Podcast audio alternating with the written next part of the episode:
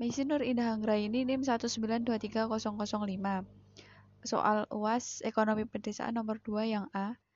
E, pentingkah desa memiliki profil desa? Menurut saya penting karena dengan profil desa, kita dapat mengetahui gambaran potensi dan tingkat perkembangan desa yang akurat, komprehensif, dan integral.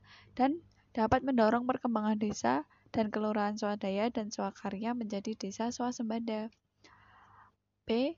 Profil desa sebaiknya itu memuat berbagai data informasi tentang kondisi desa, meliputi data keluarga, potensi sumber daya alam, sumber daya manusia, kelembagaan, prasarana dan sarana, serta perkembangan kemajuan dan permasalahan yang ada di desa.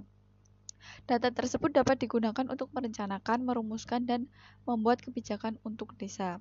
Karena dengan adanya profil desa itu, pemerintah desa dan masyarakat bisa memahami seluruh aspek data yang berkenaan dengan musyawarah desa atau tentang perencanaan pembangunan desa. Tidak ada atau minimnya data desa membuat desa gagal menyusun perencanaan pembangunan yang baik dan berkualitas. Langkah-langkah penyusunan database yang pertama itu inventarisasi data awal permasalahan. Yang kedua, pemilihan data awal ke berbagai aspek atau kategori masalah.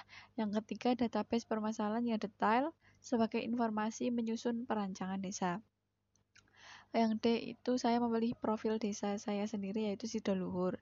Pada data profil desa Sidoluhur itu sudah terdapat profil kewilayahan, sejarah tentang desa tersebut, dan terdapat indeks desa membangun yang di dalamnya sudah terdapat data-data tentang potensi yang ada di daerah desa.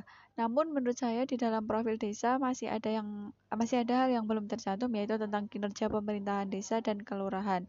Untuk itu masih harus dilengkapi dengan data-datanya dan harus selalu diupdate.